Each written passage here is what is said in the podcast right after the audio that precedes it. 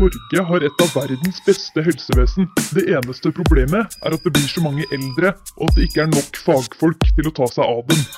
Egentlig så har vi ganske mange helsepersonell i Norge, men et av problemene er at mange slutter etter ti år i yrket. Så da spør jeg dere politikere, hva har dere egentlig tenkt til å gjøre?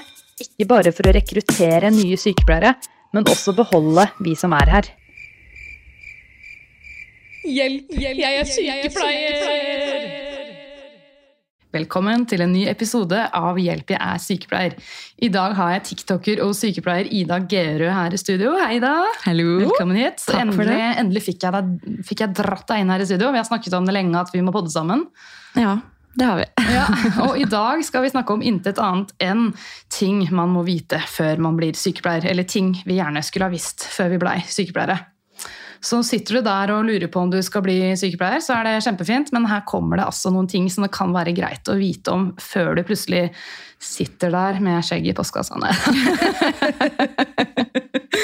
Altså, det er ikke alt arbeidsgiver nødvendigvis forteller deg, og det er ikke alt du lærer på skolen. Noen ting bare finner man ut av underveis, så nå skal vi spare dere for mye tid og stress, så skal vi bare fortelle disse tingene med en gang. Ja, Vi sitter jo selvfølgelig med fasiten, så Vi vet alt. ja, ja, absolutt. Men Ida, for de som ikke vet hvem du er, vil du bare gi lytterne en liten intro av deg sjæl? Ja, jeg tenker eh, Dere skal få vite om min eh, helsefaglige bakgrunn. Jeg har vært sykepleier i ja, eh, elleve år. Woop, woop. Bare jobbet på Rikshospitalet, bortsett fra akkurat eh, bytta jobb til Ja. Oslo kommune. Så nå, jeg, eh, nå jobber jeg i hjemmesykepleien. Um, og så har jeg eh, drevet litt med TikTok i forhold til eh, en sykepleier-TikTok. Um, dansa med Erna, for de som har sett det. ja, sånn kort eh, oppsummert hvem eh, jeg er sånn sykepleiermessig, da. Jeg er mye mer enn det ved siden av, men eh, vi kan ta det en annen gang. Ikke sant? Hva heter du på TikTok for de som ikke følger deg der? Uh, Ida Geroe. Ida Geroe. Yes. Ok, skal vi bare kjøre på da? For Ja. Vi må jo snakke litt om ting man må vite allerede før man begynner å studere. Mm. Så da er det jo dette med karakterkrav. Da. Jeg føler jo kanskje de fleste har fått med seg nå at man må ha minimum karakteren tre i matte og norsk, også nynorsk faktisk. Uansett hvor lenge siden det er du ble uteksaminert fra videregående skole, og uansett hvor mange studiepoeng du har tatt siden, og hvor mye arbeidserfaring du har, osv. osv. Mm. Så, Hadde du det? eh, jeg hadde to i matte. så dette er altså nye krav som har kommet etter at jeg ble sykepleier. Jeg hadde ikke kommet inn, og da måtte jeg ha tatt opp matte, faktisk. Ja. Så kjære lytter, hvis du fortsatt går på videregående, så er det kjempebra. Da har du muligheten til å gutse nå i norsk og matte. Absolutt. Og Jeg hadde om to i nynorsk. Ja, to i nynorsk, ja. Ja. Jeg faktisk gikk ut med bedre nynorskkarakter enn vanlig norskkarakter. For jeg nesten var fordi jeg grein meg til det. Jeg syntes jeg fikk så unødvendig dårlig karakter i norsk. Jeg bare, ja, men jeg har jo blitt bedre i nynorsk, da! Ja, det har du faktisk. Nei, jeg har bare blitt verre i nynorsk, så jeg hadde sikkert stryket denne eksamen nå. Vi liker ikke nynorsk. Ah, nei. Nei. altså, jeg syns ikke det skal være nødvendig å ha minimumskarakter 3 i nynorsk for å bli sykepleier. Det må jeg bare si. Nei, 100% ikke. Men ja, hva folk mener og ikke mener holdt jeg på å si, om karakterkravene for å komme inn på sykepleien, det skal jeg faktisk ha en egen episode om, så bare stay tuned, sier jeg. Andre ting, vær forberedt på studiet er hardt. Spesielt eksamen i anatomi, fysiologi og biokjemi. Den har ganske høy strykprosent, og mange får seg et naturvitenskapelig sjokk.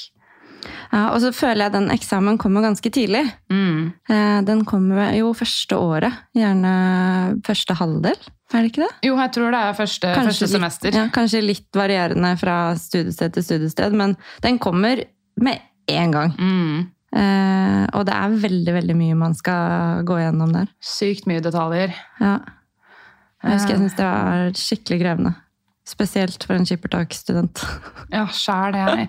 Altså, jeg gikk jo helsefag, ikke sant. Og så tok jeg et år påbygning, så jeg har liksom ikke hatt tre år med studieforberedende. Jeg vet ikke om det hadde vært lettere for meg da, men jeg bare oi, shit, her var det detaljer. Men nå har jeg heldigvis den superevnen at jeg kan få hyperfocus innimellom, og det fikk jeg på anatomien, så jeg fikk faktisk karakteren B. Og det gjør det òg! Hey! Så jeg er kanskje en dummy på matte, men, men jeg fikk faktisk karakteren holdt jeg på å si karakteren 2, det fikk jeg ikke karakteren B i anatomi, så det, det er jeg litt stolt av. Ja, jeg òg. Jeg er fornøyd med det. Og så ja, litt ulempe med at den kommer så fort på. Da det Da har man kanskje brukt litt tid på fadderuka, feste, bli kjent med folk. Den delen også er jo viktig for, å- for å ja, Og det er noe å glede seg til. Ja. Det er veldig gøy. Det er det. Så har man sånn der, vi hadde det søsterlekene og sånt i fadderuka. Så måtte vi ha sånn stafett med henda på ryggen. Så måtte vi spise fra sånn bleie uh, og gjette hva det var. Plutselig, det kunne være alt fra gelé med chili og Nugatti. og det kunne være mye Jeg rart. får i litt sånn cringe akkurat det. Hadde dere også søsterlekene? Mm, nei, altså jeg husker ikke så langt tilbake. Nei, altså, helt, jeg husker at det var gøy. Ja. Um, men jeg husker mer fra studiene jeg var liksom, i fadderstyret og var med å arrangere det. på en måte. Ah, Mm. Du var med og arrangerte, men da Ja. Husker du ikke hva du arrangerte arrangert engang? Jo, eh, vi hadde noe sånn rebus-lue-app og sånne ting, men jeg kan ikke huske om vi hadde noe, hva vi kalte det. Det er jeg litt usikker på. Men eh, fordelen med fadderuka er at fylla er jo på dagtid. Eh, med mindre du drar det utover hele natta, men da hvis du holder fylla til dagtid, så rekker du på en måte å rehabilitere deg fram til neste dag. Og så starte på nytt. Ja. Nei, men det er gøy. Men ja, er gøy. det er en høy strykprosent på den eh, anatomien, altså, så jeg eh, Begynn tidlig. Ja, faktisk. Og finn din studiemetode. Om det er å, å tegne ting, eller om det er kollokviegrupper, eller lage en quiz om anatomi, eller bruke det der Medisi. Altså, find your way. Så jeg bare, det er mange måter å lære på. Mm. Og prøv å ikke bare pugge, men forstå litt òg, da. Ja. Da er, er det litt lettere å svare på oppgavene hvis du faktisk kan det, enn hvis Ja. du bare har pugga det. Og så er det litt fordel ut i studiet videre hvis du kan det, og ikke bare har pugga det. Ja, for da har du litt mer ting å, eller knagger å henge informasjonen på når du liksom skjønner tubulus-systemet i nyrene. Å gud, jeg fikk meg sjokk på nyrer. Det var litt mer enn å bare skille ut tiss. Husker du det? Oppadgående og nedadgående tubulus-system og glomerus ikke nøste. kos meg med det nå. Ja, men altså, jeg jobber på urologisk, ikke nyremedisin. Det er faktisk to forskjellige avdelinger. Og nettopp derfor må man kunne anatomien for å skjønne forskjellen på det der. Ja. Ja. På noen skoler blir studentene sterkt oppfordret til å vaske hverandre når man øver på stell i seng. Nei. Flere skoler har gått vekk fra dette, men noen tror jeg faktisk praktiserer det ennå. Oslo, Oslo Met gjorde det da jeg gikk der. Vi måtte vaske hverandre. Jeg lå der i undertøyet. Vaske hverandre? Altså, kan ikke huske om vi gjorde det. Jeg husker at vi lå i seng og at man øvde på å skifte laken med pasient i seng, på en måte, men vi vasket vel ikke Ja, hverandre? det måtte vi, også når jeg gikk på videregående, når jeg er fra bondelandet, der er man ikke så nøye med kropp og sånn, der også måtte dere vaske hverandre og pusse tennene til hverandre og følge hverandre i blinder i skolegården. Sånn. ja, ja, ja. Det er ganske intimt å pusse tennene til et annet menneske. Jeg synes nesten det er mer intimt enn å vaske noen nedentil. Altså, det, jo, altså, det å vaske noen du kjenner eller studerer med Ja, vi jo- vaska hverandre ikke nedentil. Nei, vi hadde på det undertøy. Vi hadde på undertøy. Men altså, ja, nei, eh, jeg husker vi satte sånn injeksjoner på hverandre. Eh, Med ekte medikament. Nei, det var saltvann. Men jeg husker bare sånn Folk skalv jo før de skulle gjøre det. Jeg bare sånn, sorry, men du får, ikke lov å gjøre det på meg. Nei, eh, Vi hadde veldig lyst til å øve veneflonene på hverandre, men nei, det fikk ikke lov til. fordi det hadde vært en eh, student en gang som hadde fått en infeksjon av det, og da fikk ingen lov. Men nei. ta blodprøver av hverandre, det fikk vi lov til. Ja. Okay. Nei, jeg har latt studenter sette sine venner floner på meg, og gud og blå. Jeg har vært kommet hjem den dagen. Ja. Ja, Det hender jeg ofrer meg innimellom, men da, da legger de bare inn en liten blå en, for å si det sånn. Ja. Og på den feiteste vena. ja, De klarer å bomme. Og det er lov, da, når du er student. Jo, ja, man Det er jo lov når du er sykepleier. også, for så vidt. Man skal ha noen bom for å bli en god stikker. Ja, det skal man. Ja.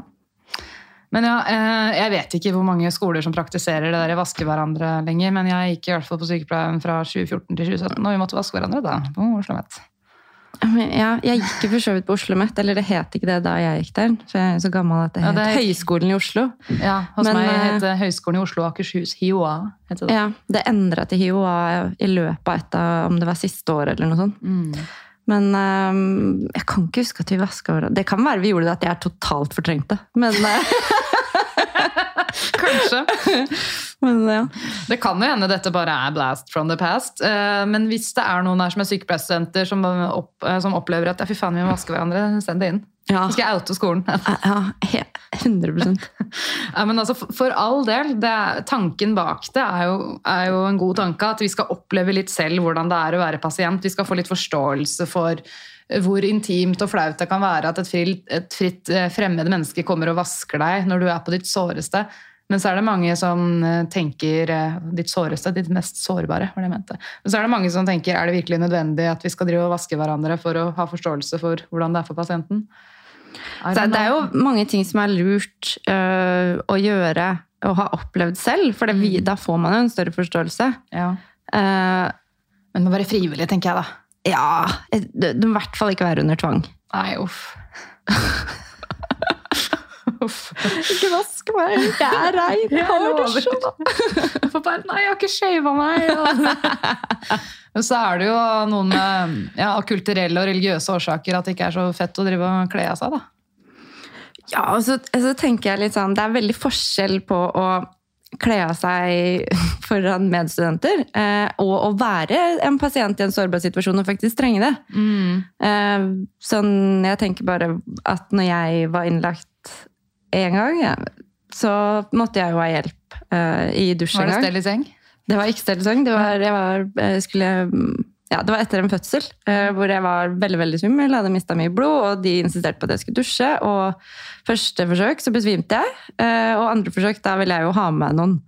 Og jeg følte ikke det var kleint at det var en som var med meg da, men hadde jeg vært helt frisk, så hadde jeg jo syntes det vært kjempekleint. Mm, for det blir to helt forskjellige settinger. Nettopp.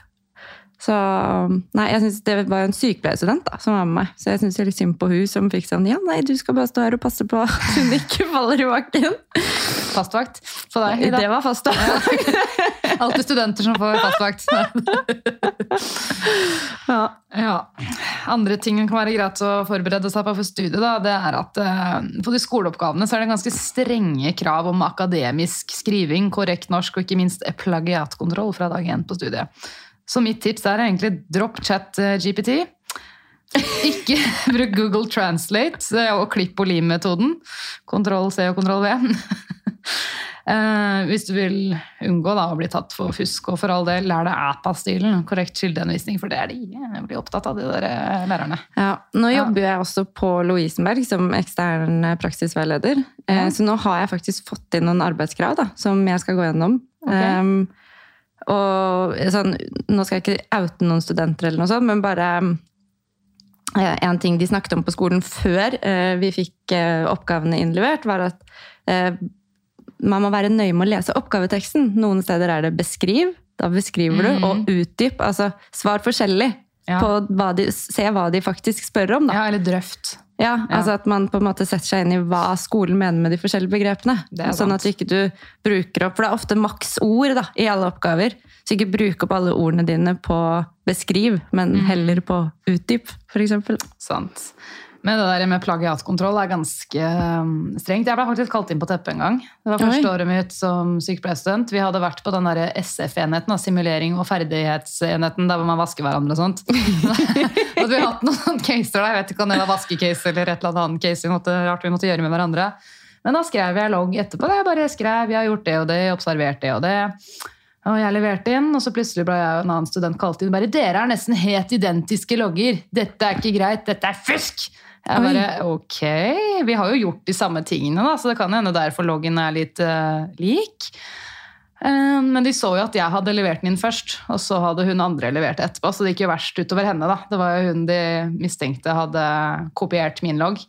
Så jeg visste at jeg hadde det på det reine. Men det var sykt ubehagelig å bare bli kalt inn av sånne der gamle merrer. Sorry meg, bare 'Dette er alvorlig hvis det er fusk, og dere kan bli kastet ut av studiet'. Jeg bare, I alle dager! Oi. Det er liksom litt måten man kanskje sier ting på, da. Og bare si du, vi har stusset litt over at dere har veldig like logger. Ja. Eh, Vi ser dere har gått gjennom samme oppgaver, men har dere på en måte samarbeidet noe? Eller liksom, ja. Men så tenker jeg liksom, det er forskjell på en eksamen og en bacheloroppgave, bare en logg. 'Hei, dette gjorde jeg i dag'. Men til og med der, da, så er de, iallfall på Oslo Met, veldig ja, det strenge. var tydelig. Ja. Nei, jeg tenker sånn I forhold til plagiat, så er det jo Det er vel stort sett eksamen man er mest strenge på akkurat det. Men også logg, da, tydeligvis. Ja. Eller det jeg har fått beskjed om, så dere som går på Lovisenberg, eller tenkt å gå der, Litt mer profesjonell skole.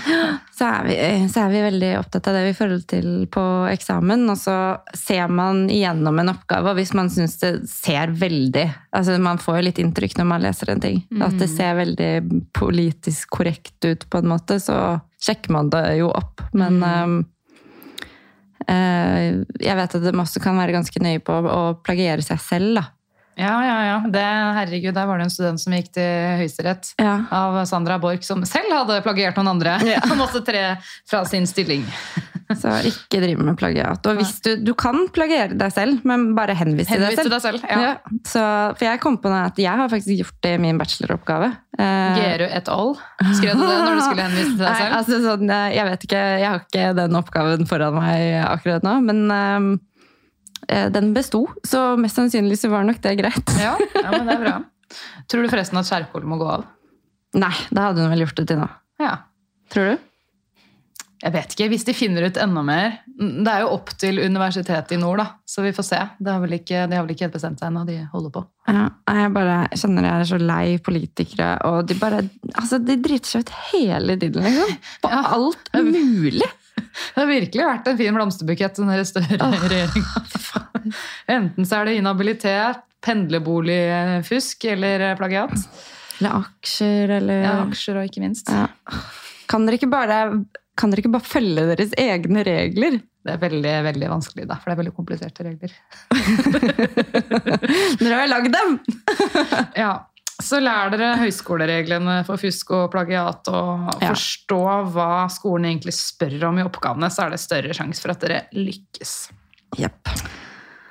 Ja, Mange får seg et sjokk over hvor mye vekt som legges på sykepleie, teoretikere og etikk, øh, og geriatri for så vidt, framfor akuttmedisin, kliniske sykepleierprosedyrer øh, og læren om barnesykdommer. Det er det heller ikke så mye av. Nei, Mm. det er helt riktig. det. Eh, Og sykepleierteoretikere. Hva sitter du igjen med nå, jeg husker ingenting. jeg. Husker du navnet på noen av dem? Florence Nightingale. Ja.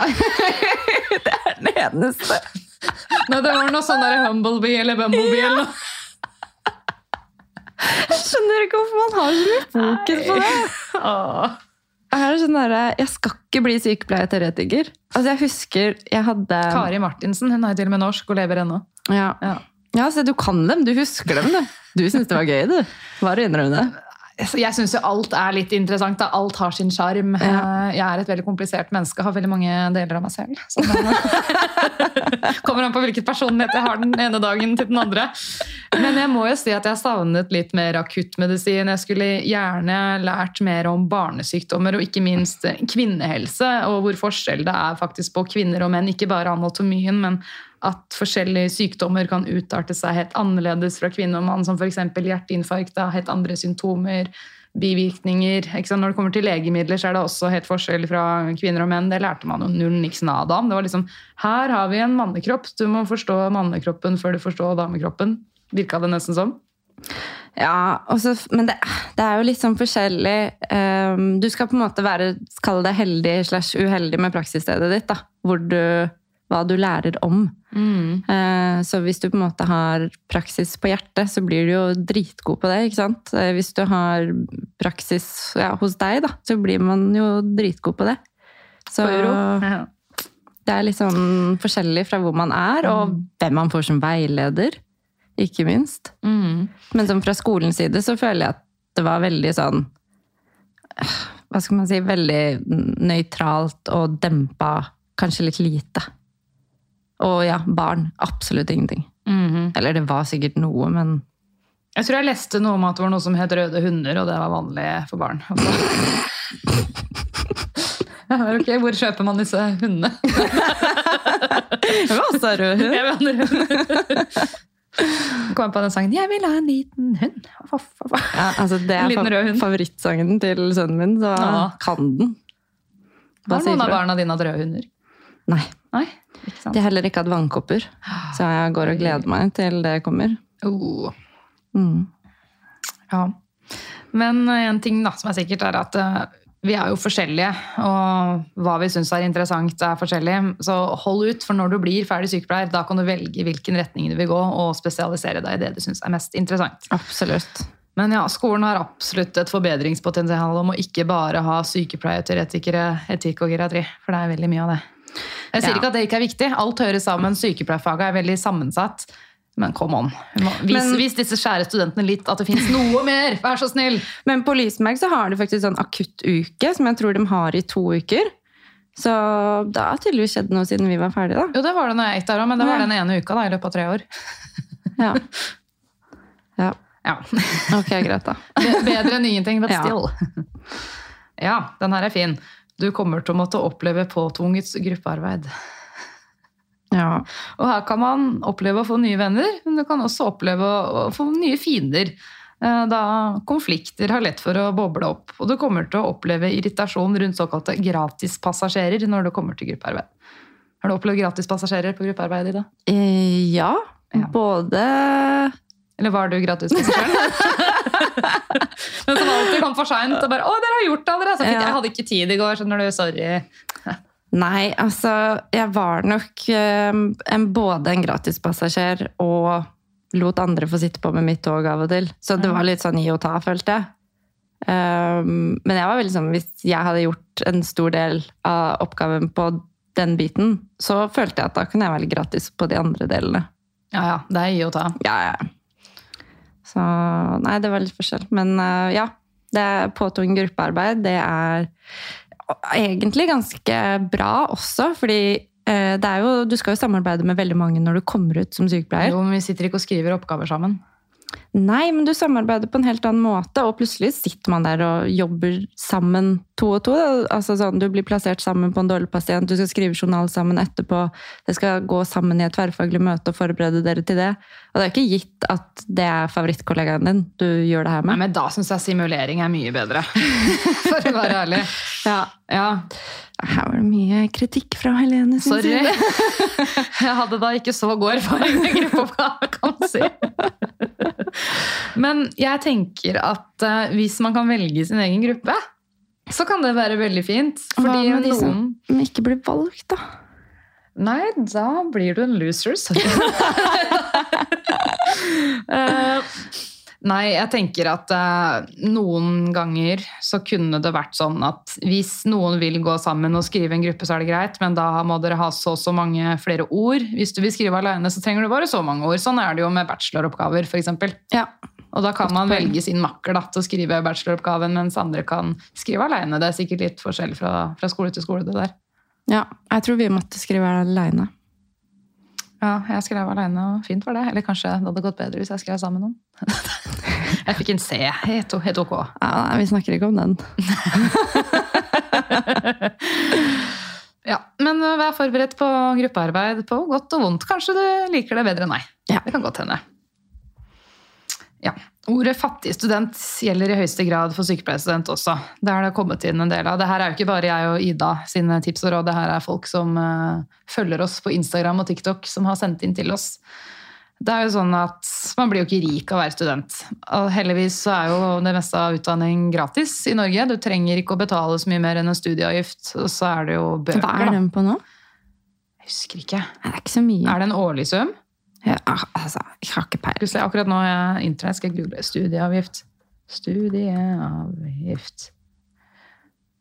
Ok, er forskjellig? Studieavgift, Oslo Met.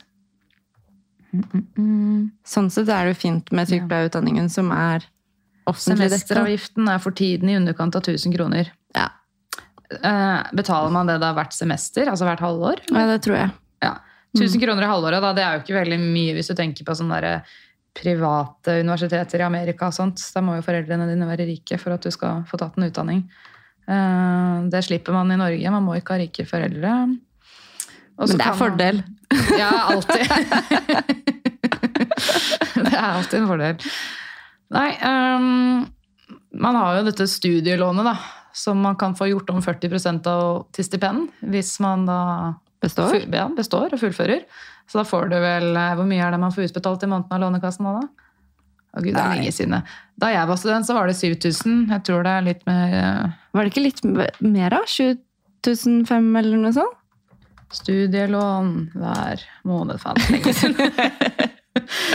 Pengene du låner, blir utbetalt den 15. hver måned fra august til juni. Den månedlige summen for fullt lån og stipend ligger på 12 537 kroner i 2023. Oi! Oi, herregud, det er mye mer enn da jeg var student. Men er det da regnet med at du får en sånn stor sum på høsten og i januar, januar, gjør du ikke det?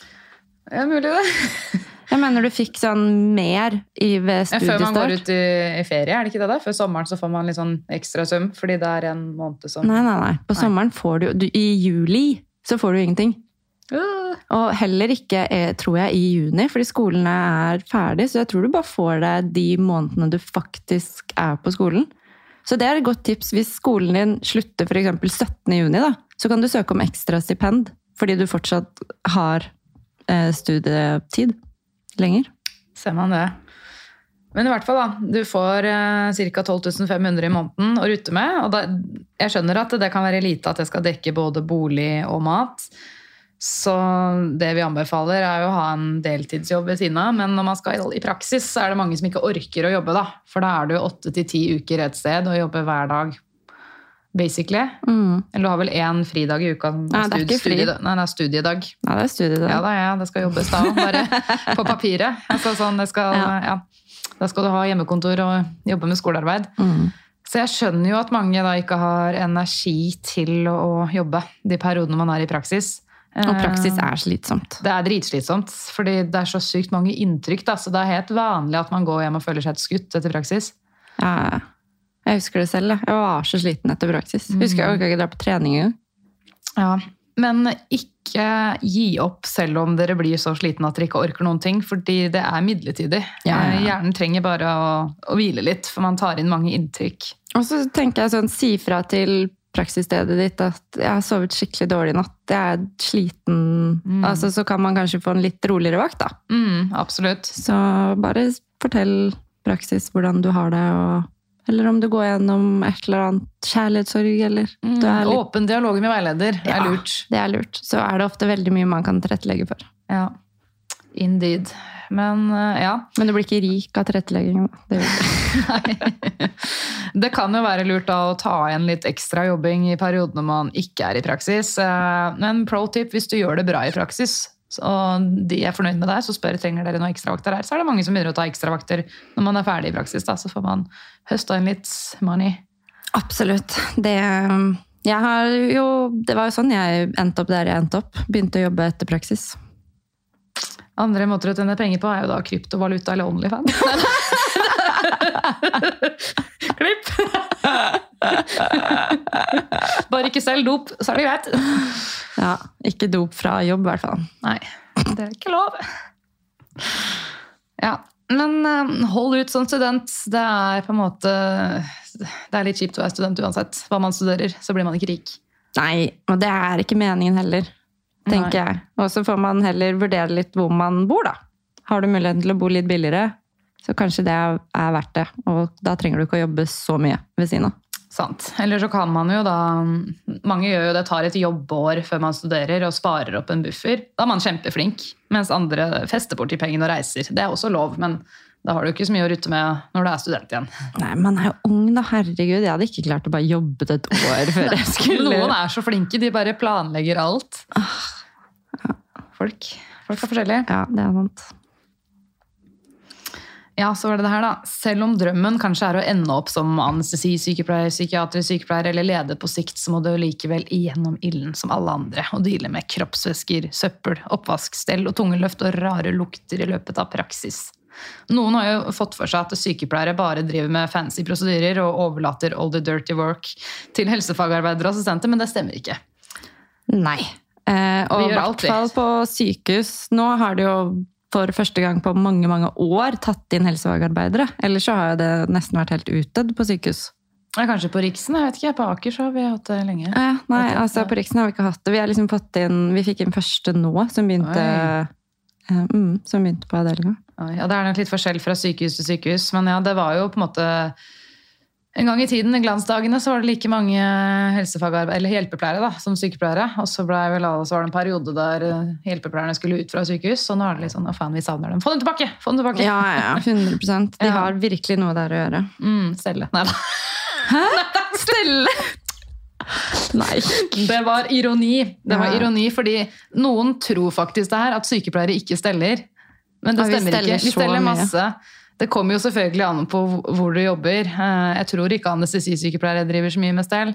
Men når man er eh, Nei, det tror ikke jeg heller. Eh, Men når man er vanlig sykepleier, da, sånn som meg på en sengepost, så må du faktisk deale med stell. Even if you like it or not. Ja, men det er veldig mange viktige observasjoner gjennom stell, og de på en måte kaller det litt kjedelige oppgavene. Så det er jo en viktig del av jobben. Mm. Men det er det som er litt interessant med å være sykepleier, fordi jeg føler du er en sånn god blanding av en liksom sånn derre mor eh, og hustru fra 50-tallet som skal på en måte stelle og stulle og lage mat og, og ta oppvask, men skal du også lære deg avansert medisinsk-teknisk utstyr? Noen driver jo til og med med sånn ECMO-maskin, ikke sant? hjerte-lungemaskin og respiratorer og masse medisinske pumper. og Det er, liksom, det er så sykt spenn da, Ja, ja. i disse husmorsoppgavene til det mest avanserte teknologien du kan komme over for å holde et menneske i live. ikke sant? Absolutt. Ja. Så, men uh, uavhengig av hvor uh, sengeliggende eller medisinsk spennende pasienten din er, så må du fortsatt ta fra den gluten. Gotta wash, wash, wash. ja, ja, ja. Det er litt sånn ehm, hvis jeg, skal, jeg tuller jo litt ofte da, med meg selv. Av litt sånn ironi, så jeg sier at jeg har en bachelorgrad i rumpevask. så ingen andre skal få lov til å si det til meg, ikke sant? så sier jeg det selv. ja. Ja. Ja, men da er du vel god på det, da? Var det det du skrev bacheloroppgaven din nå? Ja, Det gode stellet. Det gode stellet. Ja. Nei, jeg skrev faktisk om eh, spiseforstyrrelser. Ja, interessant. Ja.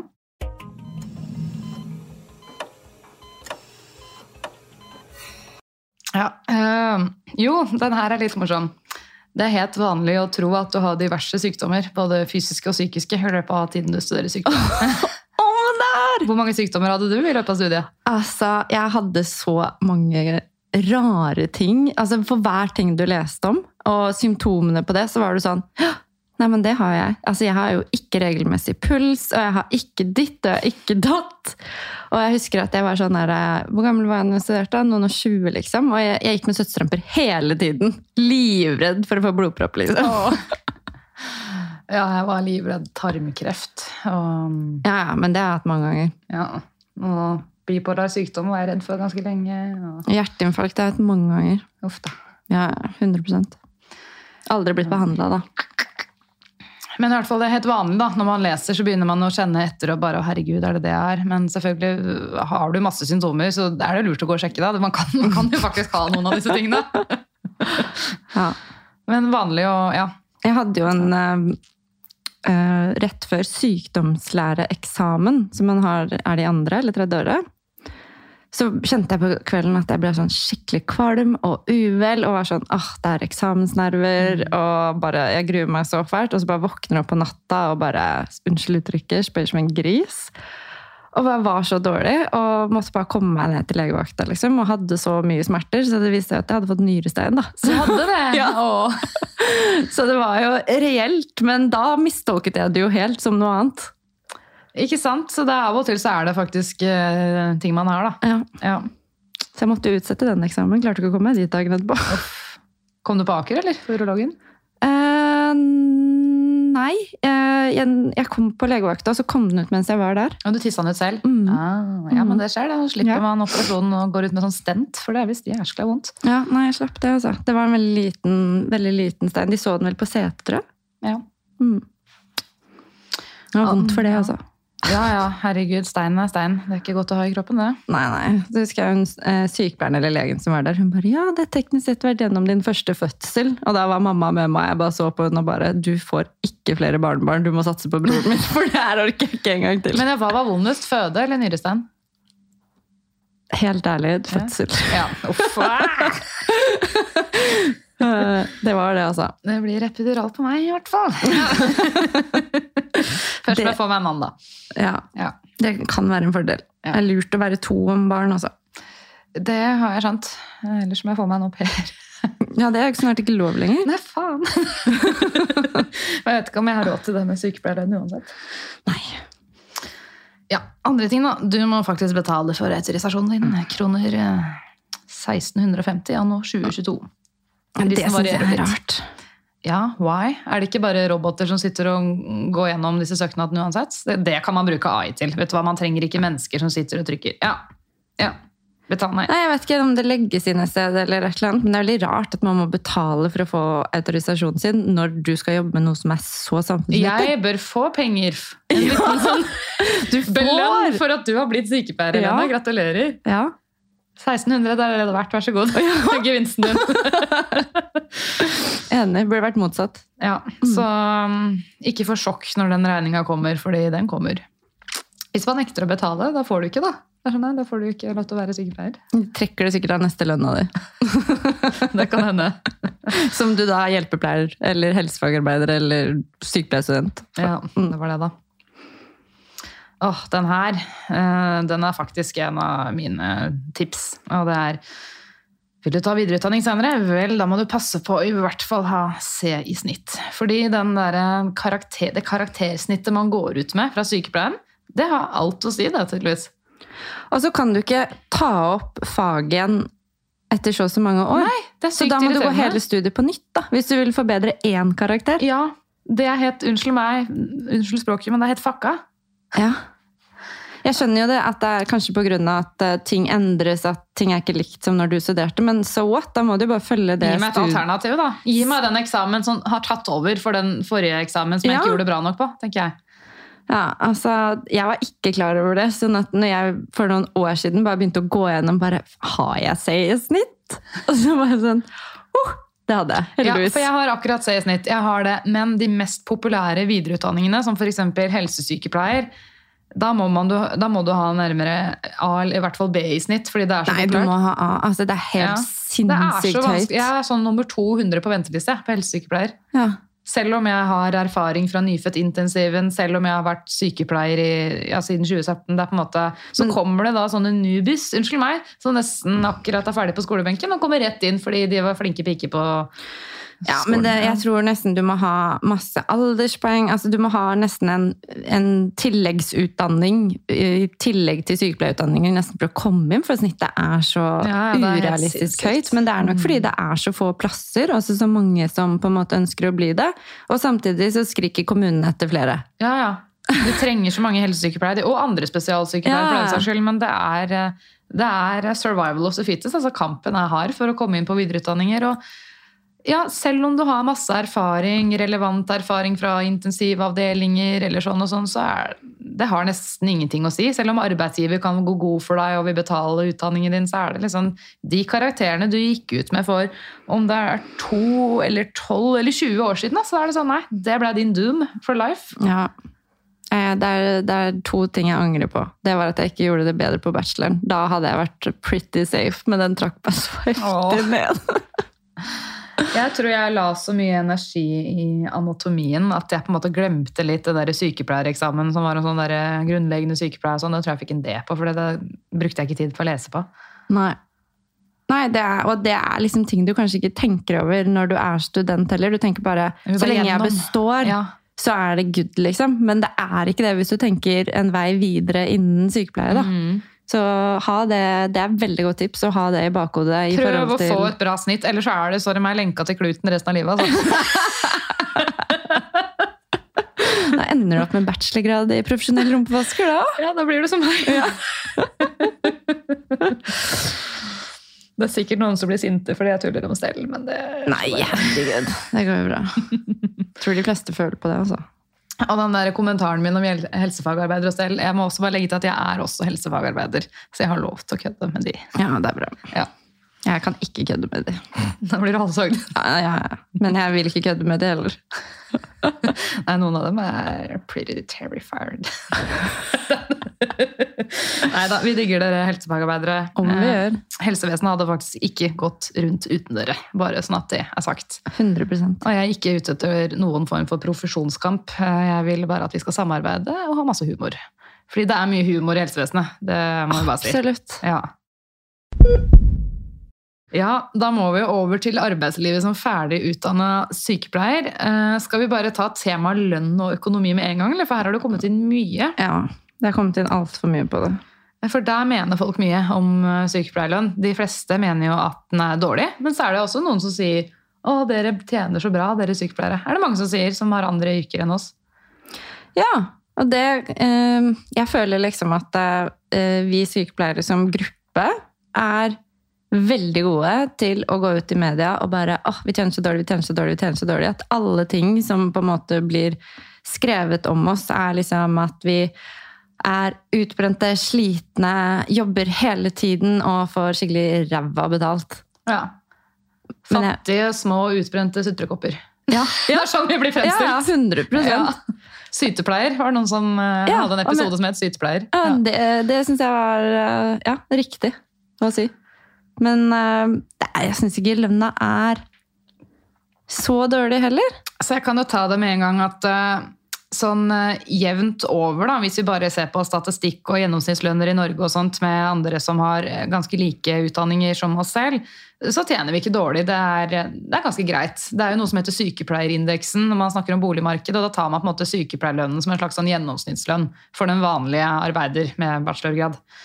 Eh, Men når det kommer til hvor mye innsats vi legger i arbeidet, hvor sykt mye ansvar vi har, og hvor komplekst det er, så er jo da ja, hva skal vi si, at lønna er dårlig i forhold til det store ansvaret vi har, her er det mange som mener. Mm. Det må jo de bare mene. Skal vi ha så stort ansvar? Jo, vi har jo det, men Ja. altså jeg ehm, jeg skjønner også hvorfor uh, sykepleiere, som er en enormt stor gruppe, eh, på en måte også, altså Alle vil ha mer lønn. Uansett hvem du spør, så er det ingen som kommer til å si sånn Nei, jeg syns jeg tjener altfor mye i forhold til eh, ansvarsoppgavene mine. Det er jo ingen som sier det. Alle vil jo gjerne ha mer penger. Det er jo helt naturlig. Mye vil ha mer. Men um, det jeg på en måte vet at mange steder er i forhold til ubekvemme arbeidstider, da, som vi har ganske mye av, at uh, noen steder har jo em, ikke en prosentandel på altså kveldstillegg, for eksempel. Da, at det er satt til si 40 kroner i timen. 40 kroner mer i timen Ja, enn vanlig. Ja. Ja, en vanlig, og at kveldstillegget, når du begynner på en kveldsvakt f.eks. halv tre eller tre, eller når du begynner, at kveldstillegget begynner ikke før klokka fem. Ja, det syns jeg er ganske råttent, faktisk. Ja, jeg syns det det skulle vært jo- hele vakta. Ja, det burde jo på en måte, eller i hvert fall når dagvakten var ferdig, da, så den overlappen på en halvtime, så begynte kveldstillegget ditt å telle. Ehm, men det gjør det på en måte ikke, og det er det samme med nattevakten. Da. Den begynner jo ikke med nattevaktstillegg før er det etter klokka eller klokka tolv?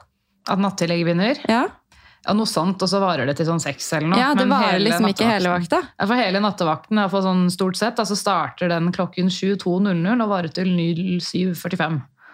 Så det er jo litt kjipt at ikke det er nattillegg hele Ja. Ja. Og at det burde vært en prosent og ikke bare et kronetillegg. Mm. Fordi at hvis du da går opp i lønn som man gjør stort sett hvert år, så er, ligger fortsatt det kronetillegget der.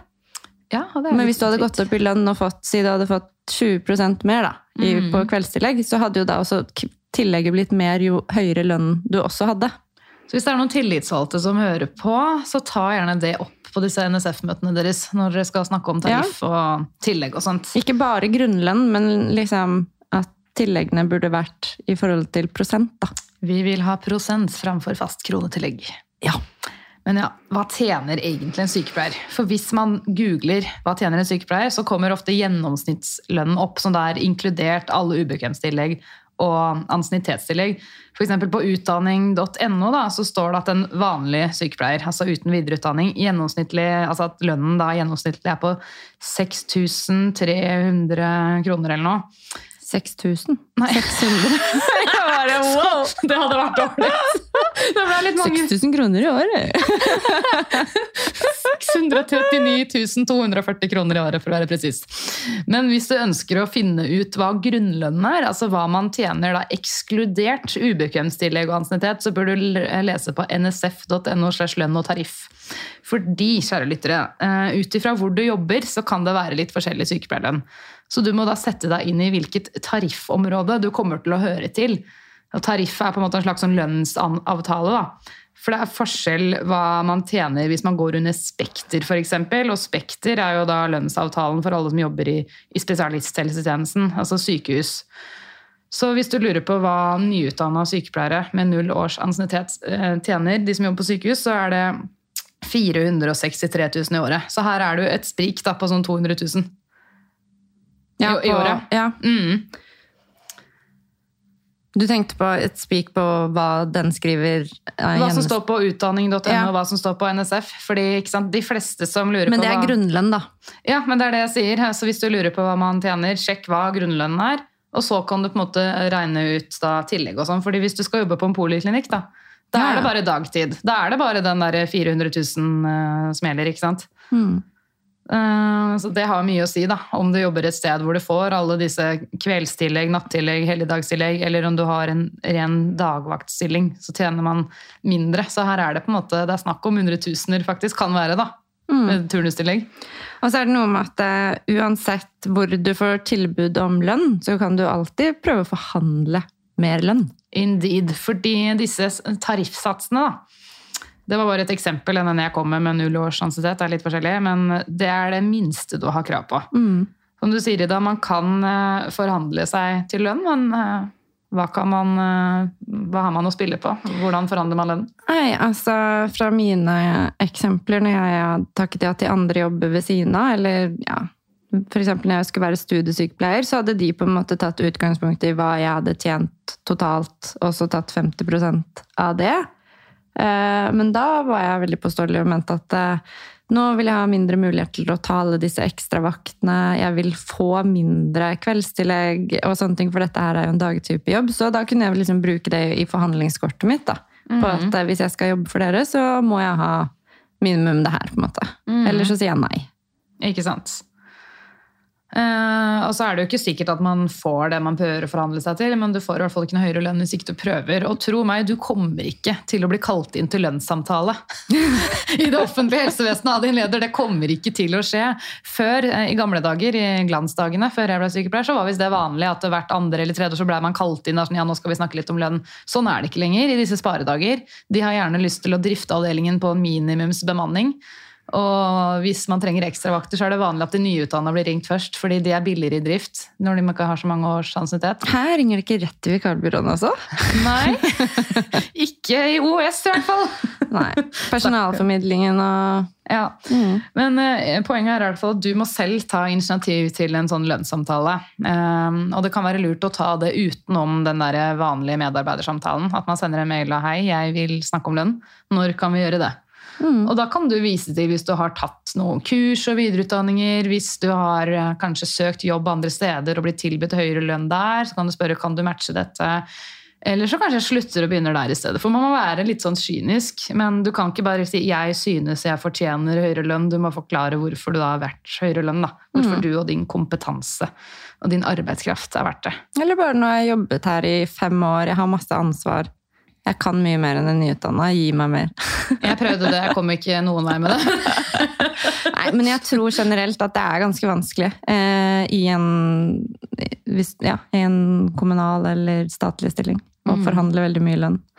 Men uh, som sagt, som du nevnte, man kommer ingen vei hvis man ikke prøver. Nei, og det er folk som går opp både 60 og 70 og 80 000 i året med å gjøre det. Altså. Så det er, men det er, dette er sykepleierens marked, og det er jo der det er eh, stor etterspørsel. Der er det mulig å forhandle til høyere lønn. Ute i distriktene, i kommunene som ikke får nok søkere. Mens på liksom de populære stedene, da, store sykehus i Oslo og sånt, der eh, har de mange søkere. Hvorfor skal de gidde å kaste penger ut av vinduet? Jeg sier ikke at man gjør det, men de, de ser bare tall. at Hvorfor skal jeg ansette deg når du skal være så dyr, når jeg kan ansette noen som er billigere? Du blir på en måte tall i et system. da. Ja, ja, 100%.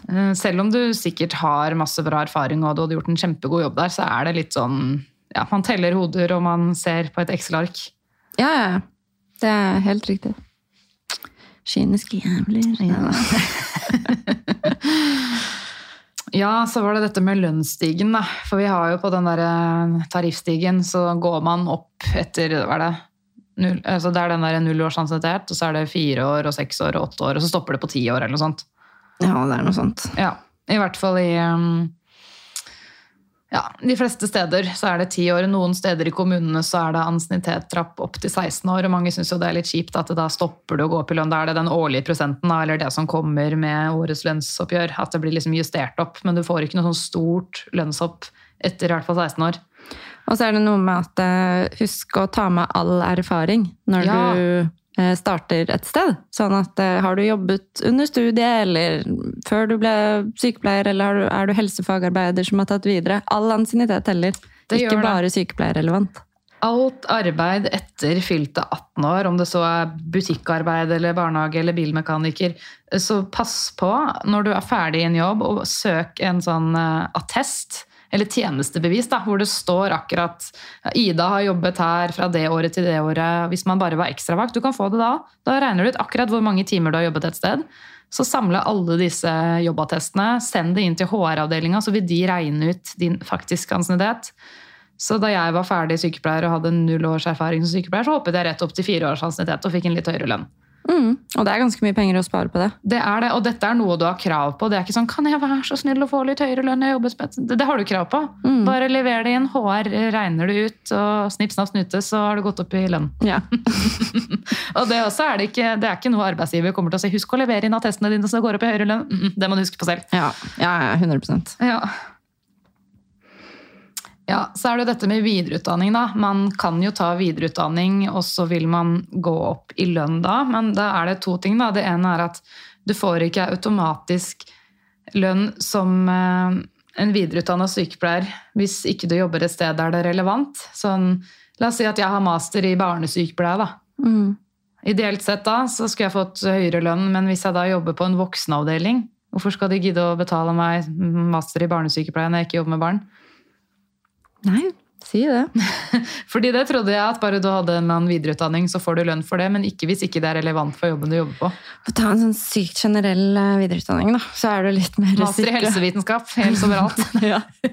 altså, man må bare prøve seg, da, selvfølgelig, men eh, det er ikke noe selvfølge at hvis du er anestesisykepleier, men så jobber du på et sykehjem, at du får anestesisykepleierlønn. Og så tror jeg også at hvis du søker en ny jobb, og det er sykepleier de søker, men du har en videreutdanning, så tror jeg faktisk de også um, kan, kan altså ikke gi deg videreutdanningslønn, da, selv om det også er relevant for stedet du søker søker man må på. bare prøve selvfølgelig og bruke sin videreutdanning for det det er verdt, men hvis de bare søker etter en vanlig sykepleier, så ja. Mm, søker på sykehjem og du er geriatrisk sykepleier, da, så er jo det kjemperelevant. Mm. Men hvis de ikke søker etter en geriatrisk sykepleier, så tror jeg eller sånn, jeg vet, Det kan jo være veldig forskjell fra sted til sted, men jeg vet om steder som da gir deg vanlig lønn, fordi det er ikke det de søker etter, men du er jo desidert den beste søkeren, så Ja, de ja, ja. ansetter deg jo.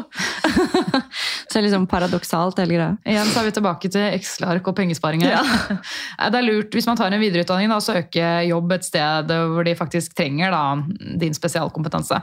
Så det var den ene tingen. Men den andre tingen er at man taper faktisk litt inntekt i løpet av året man bruker på å studere til å ta sin videreutdanning eller master.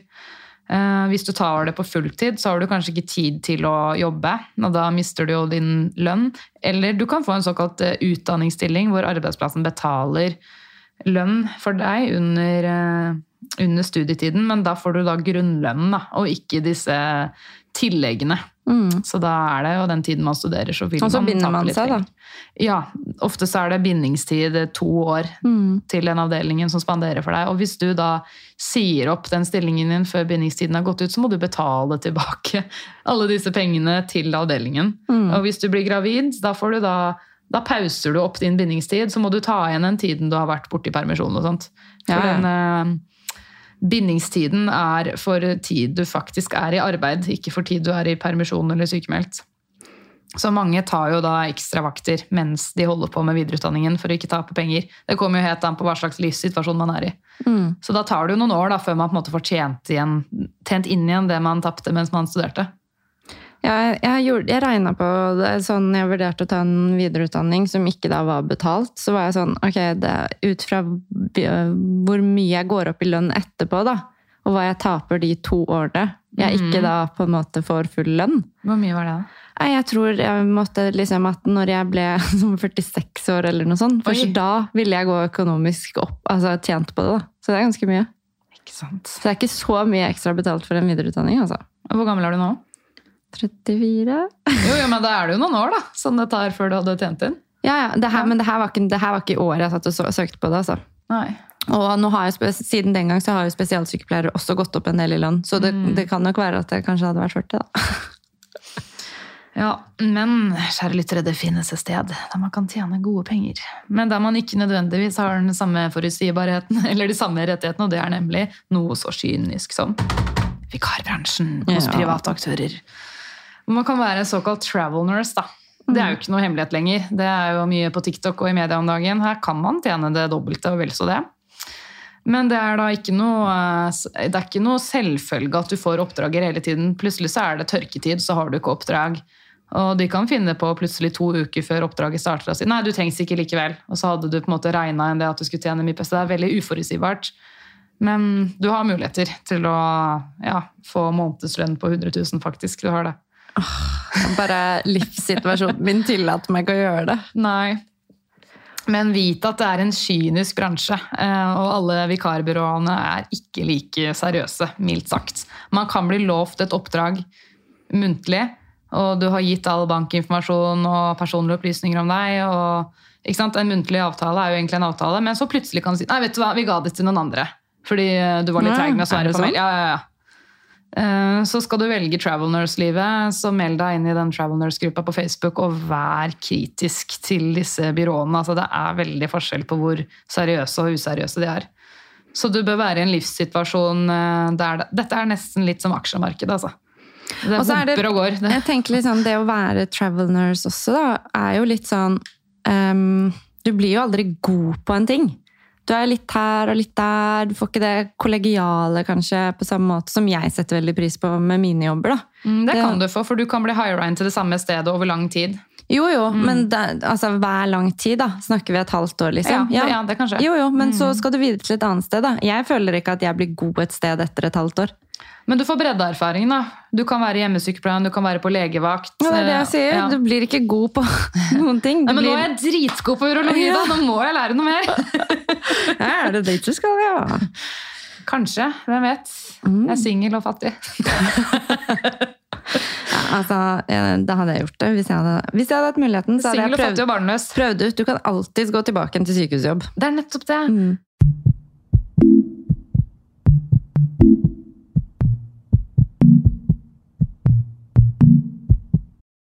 Ja, skal vi si et par ord om boligmarkedet. Da. Det er at Boligmarkedet er hardt, men ikke umulig for sykepleiere. Som sykepleiere hadde man per 2023 råd til ca. 2,4% av alle boligene i Oslo, hvis man er singel sykepleier, og råd til ca. 31,6% av alle boligene på landsbasis.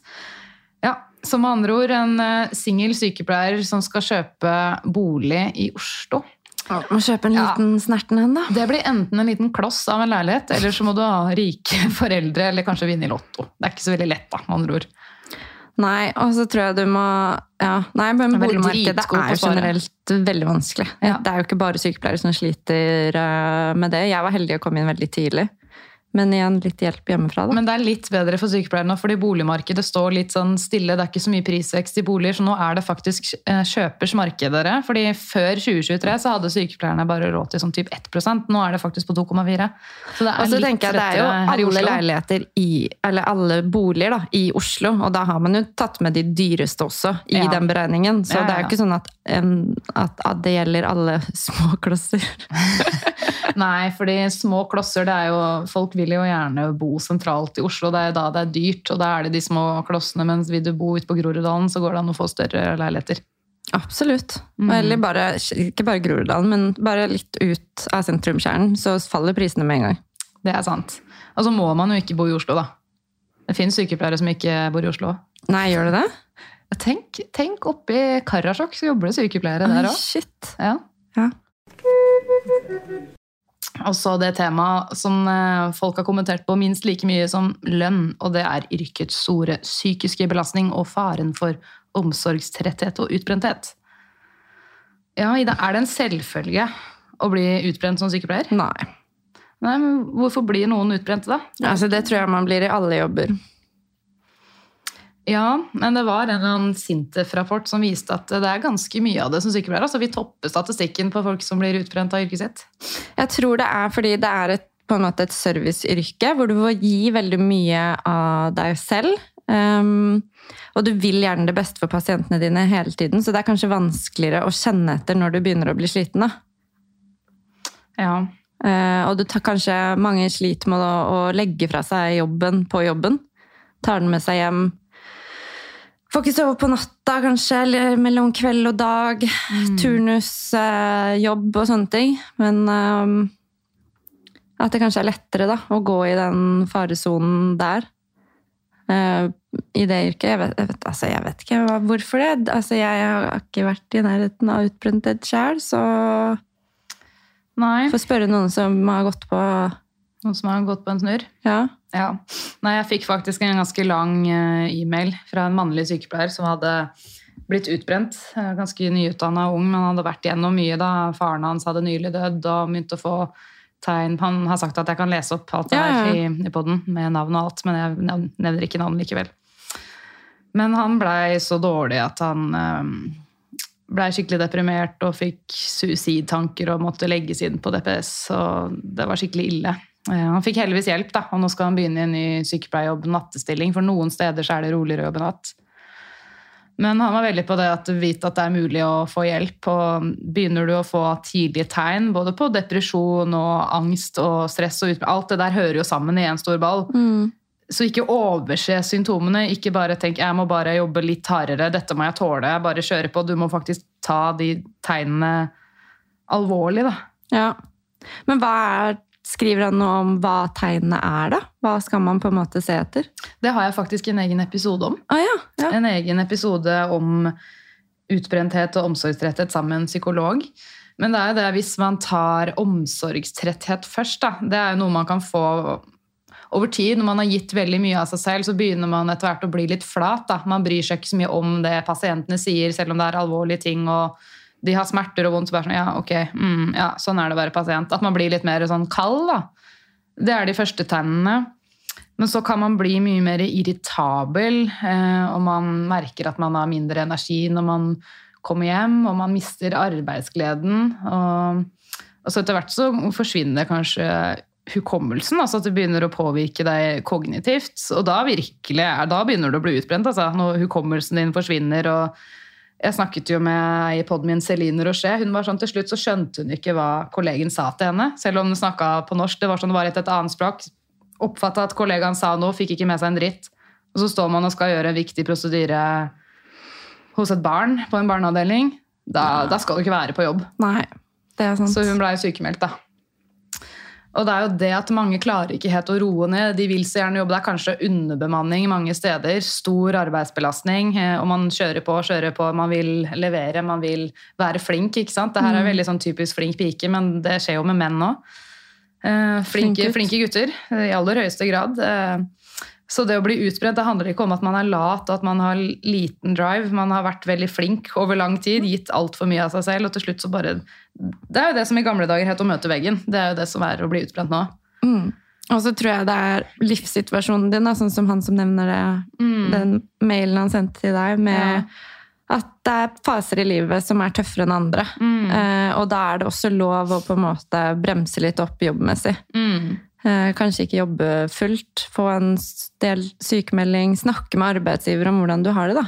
Mm. Ta- Få litt tilrettelegging i perioder. Ja. For det er veldig mange steder det er mulig. Ja. Og at du på en måte kan ha den muligheten på at uh, i natt har jeg ikke sovet, jeg kan ikke komme. Altså uh, Kan jeg komme igjen? Jeg har fri i morgen, kan jeg ta den igjen? Altså prøve å se seg selv, da. Litt grann hvordan man har det, og være litt rett og slett ærlig med både de rundt seg og seg selv. Så tenker jeg at eh, mm, når man er helt nyutdanna, så blir man mye fortere sliten. For det er så sykt mange inntrykk, og den overgangen fra å være student og plutselig være en ferdig utdanna sykepleier og skal jobbe som sykepleier med alt det ansvaret det innebærer, den overgangen er ganske stor. Og det kan være ganske tøft i starten. Altså, jeg var så sliten. Ja, jeg òg. Herre min hatt. Jeg har den beste storyen på det. Jeg husker jeg hadde vært på en dagvakt og tok bussen hjem. og Jeg tror, den, jeg, tror jeg hadde sånn syv stopp med bussen. Ble vekt av bussjåføren på endestasjonen. Han bare 'Hei, hvor skal du liksom. Oi. Og jeg bare 'Oi, Oi, jeg skal på jobb, jeg.» jeg. skal- Nei, altså, sånn, jeg var ferdig. da. Oi, du var ferdig på jobb. Jeg skal hjem, jeg. Ja, jeg skulle hjem. Ja, Kjører du meg hjem? Ja, nei, jeg får sitte på tilbake igjen. Eh, Og endte opp på endestasjonen i andre enden igjen. sov et par timer på den bussen. Jeg tur-retur. Jeg var så sliten. Åh, ikke sant. Men uh, det blir bedre, stort sett. Ja. Og hvis det ikke blir bedre, så er du kanskje i feil jobb. Fordi hvis jobben er crap, og den bare sliter deg ut og suger deg for energi, så må du ikke jobbe der. Det er ingen som tvinger deg til å være i en jobb. Og hva som kan eh, draine deg for energi. Én ting er hvis det er veldig mange dårlige pasienter med mye å gjøre, og du er lite bemanna, men også arbeidsmiljøet har sinnssykt mye å si på om man har energi igjen på slutten av dagen, eller om man er head drained. Det har så mye å si. Og ledelsen. Vi snakket jo om det, dere, ja, snakk med lederen din, men da er det mange som opplever å ikke bli møtt. Hvis Ja. man da prøver å si fra tidlig at nå har jeg det ikke så greit, jeg er veldig sliten, kan jeg få tilrettelegging, så er det dessverre noen som opplever sånn, ja, men da er det du som er problemet. Kanskje du ikke egner deg som sykepleier, det er det faktisk noen som får gjøre, og det er skikkelig, skikkelig dårlig gjort hvis ledere sier det. Fordi det er ikke sånn man eh, skape gode sykepleiere med å si du er ikke egna. Da må man sette seg ned ok, hva kan jeg som leder gjøre for at du skal få det bedre på jobb. Det er sånn man høster gode sykepleiere. Man må reise hverandre opp, vi må spille hverandre gode. Mm. Ja, det er jeg veldig enig i. Jeg håper at eh, de fleste ikke har, det, har sånne ledere. Da. da tenker jeg at den lederen har ingenting i den stillingen å gjøre. Nei, virkelig ikke. Og jeg skjønner det, det er ikke bare bare å være leder heller, men hvis det er det kortet man drar, at nei, da er det du som er problemet, før man har prøvd å forstå situasjonen til din ansatt, som faktisk er tøff nok til å komme og innrømme at man har det tøft, ja, da må du vurdere en annen jobb enn leder, tenker jeg. Ja, ja, 100% Men uh, dette med å forebygge utbrenthet, uh, hvem tenker du at det er sitt ansvar? Er det arbeidsgiveren, eller er det arbeidstakeren sitt ansvar? Det tenker jeg er ganske delt. Ja. Um, å forebygge utbrenthet det handler jo litt om f.eks. en medarbeidersamtale, høre litt hvordan det går med dem, som er arbeidsgivers ansvar. Eh, og for arbeidsgiver ikke spørre ja-personen hver gang om å ta en ekstravakt. Mm. Uh, se litt på hvor mye den har jobbet. Uh, kanskje tenke litt over hvilke vakter personen har jobbet. Har den stått med veldig mange tunge pasienter over lang tid? Kanskje sette noen andre på det, sånn at man får et lite pust i bakken. Eh, og så har man et ansvar selv for å si ifra at jeg er sliten, jeg har vært hos denne pasienten såpass mye, og jeg trenger å bytte. Så jeg syns den er ganske delt. Ja, og så er det jo sånn at det er ingen som vet hvordan du har det inni deg, så hvis du blir spurt mye om å jobbe ekstra, du må ikke si ja til de ekstra vaktene. Veldig mange føler på sånn plikt. ikke sant? Det er jo typisk oss som velger omsorgsyrker, at man føler på at man burde sagt ja til mer, og man burde gjort. Og tenk hvis arbeidsplassen går til grunne hvis ikke jeg kommer på den vakten. Men Det går greit. De finner en løsning på det. Ja, og til syvende og sist er det ingen som kommer og klapper deg på skulderen for at eh, du eh, ble utbrent og jobbet deg i hjel. Det er bare deg det går utover. Så vær litt egoistisk og tenk på deg selv, og det er så innmari lov. Man er sin egen lykkes med. Men så tenker jeg at dette her, det er jo også et større system. Da. Dette handler jo også om eh, politikk. Effektiviseringspolitikken. Det er jo noe galt med systemet. Det snakket vi mye om på Helsebrølet. Ja. Så det handler om noe større enn bare arbeidsgiver og arbeidstaker. Men det er ikke så lett å endre systemet på 1, 2, 3, så da må man starte med seg selv. Og så må man være åpen og ærlig med sin leder. Og så er det lederen sitt ansvar å verne litt om sine ansatte. Så må man gjerne ha litt undervisning om det her på fagdager og sånt, om hvordan ivareta egen helse, hvordan forebygge utbrenthet, og ikke minst helsefremmende turnuser. Det er så viktig, det. Absolutt. Og så tenker jeg hvis du ikke kommer noen vei med lederen din, så går du til tillitsvalgt Mm. og tar det der. Ja. Og man kan be om å få tilrettelegging i turnus i perioder hvis man har det tøft og f.eks. slippe nattevakter eller ha litt mindre dagvakter. Mange syns dagvakter er tøft. ikke sant? Det er på en måte ting det er mulig å gjøre noe med, eller bytt jobb hvis det bare ikke går. Ja, Faktisk. Finn på noe annet. Ja. ja. Godt og blanda heter neste tema. Da er det jo dette med turnus. da. Og jeg tenker at eh, Vi må ikke svartmale turnus. Det har litt ufortjent dårlig rykte, syns jeg. Ja, elsker turnus. Ja, for det har både fordeler og ulemper. Skal vi ta ulempene først, da, så kan vi snakke om fordelene? Ok, Ulemper. Man må jobbe høytider. Ja, Det er ikke alltid du får feira jul med familien din eller dratt på hyttetur i påsken. Mm. Eller eh, 17. mai-frokost med venner. Mm. Det er kjipt. Det er ikke til å skyve under et stueteppe at det er litt kjipt. Ja, Det kan jo krasje veldig med familieliv. Jeg kan tenke meg sånn, Hvis man er et par og begge jobber turnus, da, så har man barn. Det er liksom litt av eh, en Da kabal blir man et som må gå AS. opp. Ja, man blir mamma og pappa AS. Hvordan skal denne kalenderen gå opp denne Ja, uka? man ser lite til hverandre, tror jeg. Ja. Men det er en periode i livet, da. De er ikke små barn for alltid. Heldigvis. Og så er det jo det at uh, turnus kan jo være fryktelig helseskadelig. Hvis man bytter på veldig mye dag, kveld, dag, kveld. Det viser seg faktisk å være verre enn nattevakter. Ja, men jeg syns det er 100 jeg selv. jeg hater kveld, dag. Ah, Man er rekker jo ikke å sove når man, kommer- man er gira etter vakt, og så skal man spise litt, og så trenger man litt egentid, og så blir det bare sånn tre-fire timer søvn. Det har skjedd meg så mange fall hvis det har vært en skikkelig travel kveldsvakt, og du vet at du skal tilbake igjen til det her om bare noen timer, og så da bare dra hjem og hoppe i senga og hoppe ut igjen. Jeg Ja. si. Nei, altså jeg kan bare si det her med en gang at du kommer til å bli trøtt. Du kommer til å bli jævlig trøtt som sykepleier, og du kommer til å bli avhengig av koffein, enten Monster Energy eller kaffe. og så møter jeg noen som verken drikker kaffe, te eller energidrikker, da blir jeg sånn, hæ? Hva er du? Du er ikke et menneske i hvert fall. Nei, nei, nei. Eh, nei 100 Enig. Eller snus, det er det mange som blir avhengig av. Jeg snuser ikke. Mm, Is that true? Men ja, det var ulempene. at eh, det krasjer med familieliv, også sosialt liv. Eh, Det er vanskelig å gå på faste aktiviteter. Er sånn, Jeg skulle gjerne gått på dansing, men jeg kan ikke møte opp på den dansinga hver torsdag, for plutselig så har jeg kveldsvakt, så får jeg ikke byttet den bort. Så henger jeg langt etter i dansetimen og er alltid hun der rare tullingen som ikke kan dansen. Ja, jeg prøvde, jeg tror De første to årene jeg jobbet som sykepleier, så spilte jeg håndball. Det måtte jeg bare slutte med, for da hadde jeg ikke tid til noe annet. Ja, og Det tror jeg kan være ganske kjipt for noen når man har fått seg en turnusjobb som sykepleier, at nå får man ikke opprettholdt de faste hobbyene i lik grad. da. Du kan jo det, du kan jo selvfølgelig prøve å tilrettelegge det, men Ja. eh, det er Det er ikke så Sånn som med håndball, for eksempel, da, som er trening tre ganger i uka og kamp hver helg. Altså, det kan du nesten bare droppe. Start et bedrift, idrettslag! Ja. Men ja, fordelene da, det er at du får faktisk mer fri med turnus.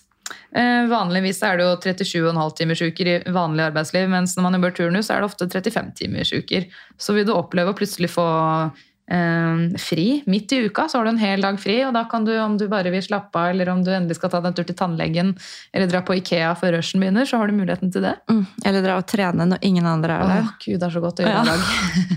ja, jeg har jo nå spilt inn pod, dratt og trent, kommet tilbake hit, spiller inn pod igjen. Det kan du også gjøre på fridager hvis du driver med podkast. Ja, eh, og hvis du har barn, altså så deilig å bare levere de fra seg på skole eller barnehage, og så bare mm, hjemme alene. Ja, for det der er litt omdiskutert. Er det greit å levere ungen i barnehagen når du selv er fri? Det er så Ja. greit å levere, nei, levere ungene i barnehagen når du selv er fri. Og mitt eh, kontrasvar på det er at hvis det ikke er greit, så skal jeg ha barnehage på lørdag og søndag òg, når jeg jobber. faktisk. Og nattevakter. Nattevaktbarnehage. Ja, Ja. ja, så ikke kom her. Men det er altså så deilig. Og mannen min han har vært så sjalu på disse fridagene mine. Så jeg har liksom prøvd å gjøre, vært litt flink hjemme, da, for at liksom, det ikke skal være så urettferdig. Men eh, så liksom, tar jeg plutselig fri på en torsdag, da. Og så må han ha det aleine i helga, for da jobber jeg.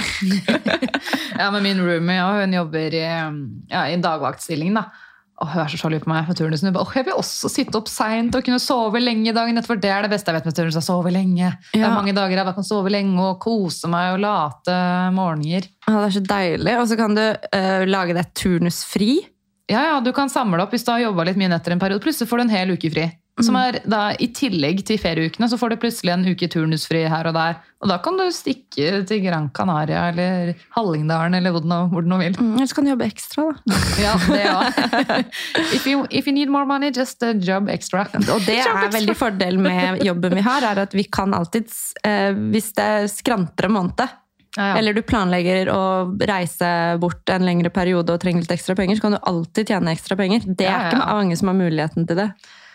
Sant. Eh, Og da kan du også passe på at eh, du ikke bytter vakt, men du blir forskjøvet til en annen vakt, sånn at du beholder tillegget ditt, eller eventuelt får da mer tillegg. ikke sant? Du jobber ikke mer, du bare tjener mer. Nettopp. Og du kan også si sånn, ja, men hvis jeg skal ta den ekstra vakten, så må jeg nesten ha 100 overtid. Altså. ok, ok, ok. Men det får du jo hvis du jobber 100, fra, 100 fra Ja, jeg jobber 90 da, men det hender, hvis de er desperate nok, så sier de Helene, kan du jobbe ekstra? Vi gir deg 100% overtid. Det er ikke alltid så vond å be. Nei, det skjønner jeg godt. 90, Ja. ja. Det var en eh, fancy stilling. Men det er digg. Det er skikkelig digg. Det er få, jeg merker at jeg får mye mer fri, men det går ikke så mye utover lønna. Så jeg får en ekstra fridag annenhver uke. Det er så digg. Skulle ønske jeg kunne gjøre det samme. Ja, 90% folkens, det er å anbefale. Og andre fordeler med turnus, det har vi egentlig allerede nevnt, men det er jo da ikke sant, tilleggene. Og så finne ut hva som er helsefremmende for deg. Har du mulighet til å skrive ønsketurnus, så gjør det. Om du liker å ha det sånn en hel uke jobber du bare i dag, en hel uke jobber du bare i kveld, en hel uke natt. Det funker for noen. Mens noen liker på en måte sånn starte uka litt rolig da, med kveldsvakt. Det er liksom man må, Den enes brød er den annens død, og vice versa. Når det Mm. kommer til turnus. Ja, meg, altså sånn Jeg syns Jeg har aldri jobbet noe annet enn turnus. Nei. Så nå har jeg en dagstilling, med, men med hver tredje helg. da. Og jeg tror ikke jeg hadde turt å bare tatt en dagstilling. Da tror jeg det hadde blitt helt ko-ko av å jobbe fem dager på rad. Altså blir man fattig, da. Bare dag. Ja, Men ja, da skal man bare jobbe dag. Da, da blir man jo kanskje et Ja, det annet skjønner menneske til slutt. Da, men jeg har vansker med å legge meg tidlig. Det må jeg bare si. Så jeg tar igjen søvn på fridager, eller hvis jeg skal jobbe kveldsvakter eller netter. Ja, jeg er ganske god på å legge meg tidlig. Men um, still, det er sykt digg med fri midt i uka når ingen Ja. andre har fri. Å bare pleie deg selv. Og du kan slippe unna masse familiegreier som du kanskje ikke vil dra på. Så Ja. sorry, jeg jobber, jeg. Jeg kan ikke komme til svigers. Sorry. Å, var det konfirmasjon? Ja, det var synd. Men ta med litt mat hjem til meg, da. Ja. Nei, man kan alltid skylde på jobben og snike seg unna ting. Digg! Og ikke bare det, men det er sånn hvis du blir invitert på noe du egentlig ikke vil på, så er det bare å si 'Å, jeg jobber', selv om du kanskje ikke jobber. For det Jeg fikk ikke bitt av den. Jeg fikk ikke bytta. Har ikke prøvd. Nobody needs to know! Nope. Nope. Eller bare 'Å nei, jeg kan ikke ha kveldsvakt', så bare ekstravakt. Kveldsvakt. Vi er litt på overtid der, så noen ting bare skummer jeg gjennom. Ja. Du kommer til sorry, dette er litt sånn negativt, men du kommer til å oppleve enkelte vakter og for enkelte pasienter eller kolleger at uansett hvor hardt du jobber og hvor godt du prøver, så vil det for noen ikke være bra nok uansett. Så det har ikke alltid noe med deg å gjøre hvis folk er sure på deg. Nei. Jeg opplever sjelden at folk blir veldig sure, men eh, det er veldig personavhengig, da.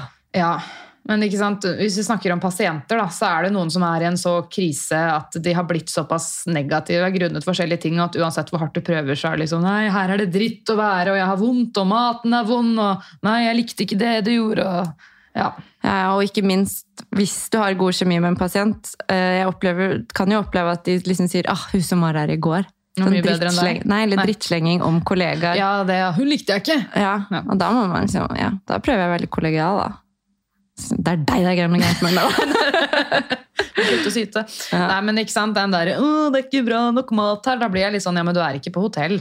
Nei, Og det, er gratis helsevesen i Norge. Hadde du vært i Amerika, så hadde du, ikke, nå hadde du kanskje ikke vært der fordi du ikke har forsikring. mm. Og du ligger hjemme og blødd i hjel. Uff. Sier jo ikke, sier jo ikke det, da, men det er forskjell på pasienter og, og tak, graden av takknemlighet. Um, ja. Mm. Og så kan man diskutere det mye, selvfølgelig. Um, når du blir erfaren, ja, det er litt gøy, så kommer du til å oppleve at nye leger er helt avhengig av din kompetanse for å overleve på jobb.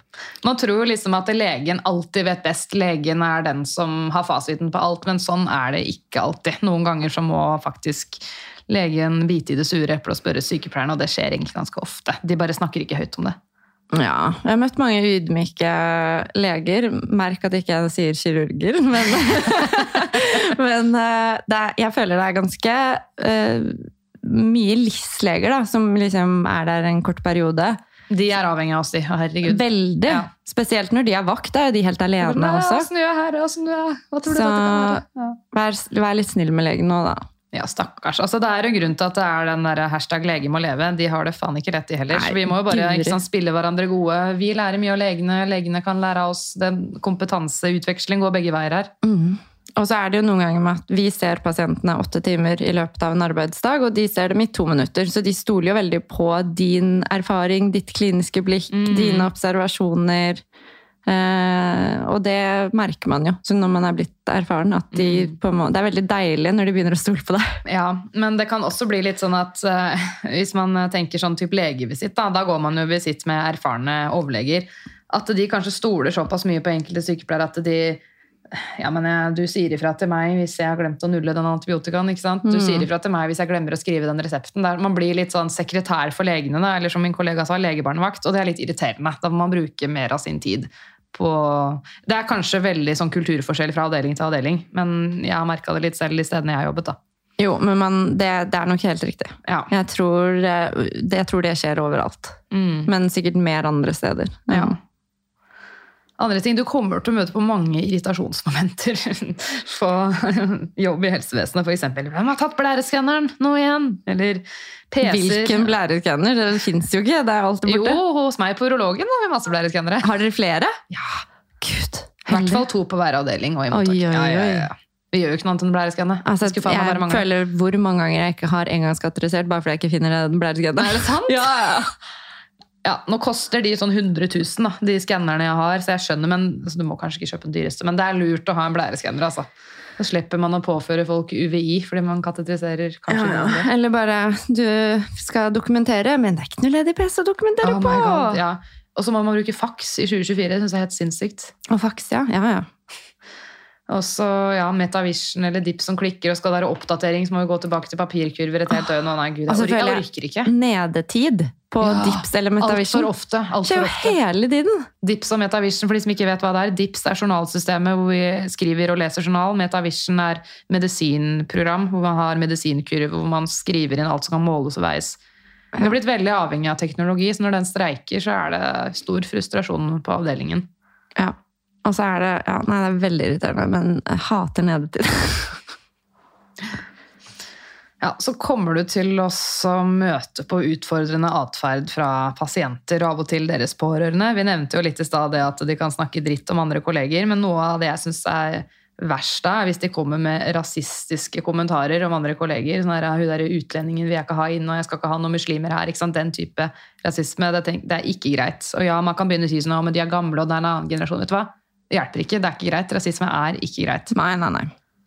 Aldri. Jeg syns så synd på de sykepleierne som opplever det, noen faktisk på daglig basis. Her kommer de til Norge og har kanskje tatt videreutdanninger, er kjempeflinke, man trenger helsearbeidere i Norge, og så møter de på en måte bare dritt og blir kasta ting på, og noen av de opplever trusler og vold. Jeg bare, åh, jeg, åh, jeg syns det er så fælt.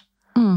Nei, men det er jo altså sånn Det er jo absolutt ikke greit, og jeg føler også at man møter liksom Man, kan, man møter folk som kanskje ikke er helt seg selv da, når de er inneliggende, og jeg vet ikke, folk mister noen Ikke alle, selvfølgelig, men enkelte blir litt sånn sånn derre De har ikke noe filter da, når de er inneliggende, og Men da tenker jeg, er det da sånn du egentlig er? Hvis det er det som jeg, jeg velger å tro at det bare er mens de er hos oss, at folk ikke er så fæle.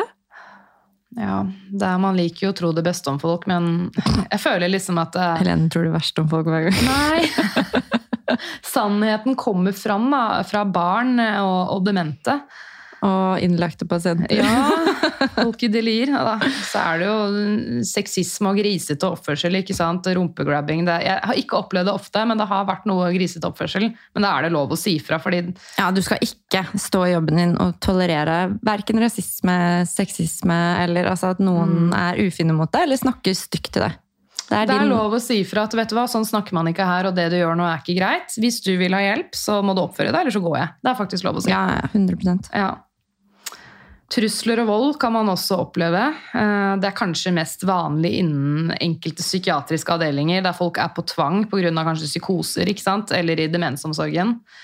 Eh, Det kan være alvorlig, men det er arbeidsgivers ansvar å, å passe på at alle får eh, trening i hvordan man skal håndtere det, og at man, har, ikke sant? man gjør noe forebyggende, sånn at ikke ting eskalerer. Men det er dessverre noe man kan møte på i yrket. Det er det. Veldig sjeldent. Andre ting, du kommer til å få mørk og drøy humor. Man blir litt sånn yrkesskada. Ja. Og eh, du kommer til å fortelle ting hjemme, sånn anonymisert selvfølgelig, men enkelte hendelser som man kanskje uh, andre ikke helt tåler å høre om. Hvor mange middager man kan ødelegge ved å Vi får litt sånn om, null filter, vi òg. fortelle om hvordan en, en operasjon gjennom penisplastikk gjennomføres, for Mm. Det er ikke sikkert at eh, kompisen din syns det er så innmari gøy å høre om. Så vær litt varsom med hva man prater om. Vær varsom-plakaten, og Ja. ikke snakk sykepleierprat når du ikke er på jobb. Og så møter du mange pasienter og pårørende du aldri kommer til å glemme, på godt og på vondt, men det er så mange søte, fine mennesker altså, som du bare åh, treffer deg rett i hjertet. Altså jeg føler ja, jeg har så mange jeg har tatt i meg i hjertet mitt at det blir bare større og større. Ja, noen av disse pasientene får vil jeg bare ha med hjem. De er så søte, mange av de. Og veldig, de aller fleste er veldig takknemlige, det må jeg bare si. Ja, Helt enig. Veldig mange er veldig takknemlige. Så er det faktisk ganske gøy å være sykepleier. Man ler mye. Ja. Man gjør faktisk det. Det kommer ikke alltid fram i media, men vi har det mye gøy. Og de kuleste festene, det har du faktisk med annet eh, helsepersonell. Ja, jeg føler sånn, sånn som når moren min ble innlagt, og liksom hun har aldri vært noe på sykehus før, eller ja, kanskje ikke helt visst hva jeg har gjort, men så ble hun pasient selv, og hun bare 'herregud, det virker så bra, og så gøy å jobbe på sykehus'. Og det tror jeg er veldig sånn at hvis man har det gøy på vaktrommet, eller man har god stemning på vaktrommet, så smitter det ut i avdelingen og til pasientene. Ja. Så det er det godt arbeidsmiljø, det gjør noe med hele dynamikken i klinikken.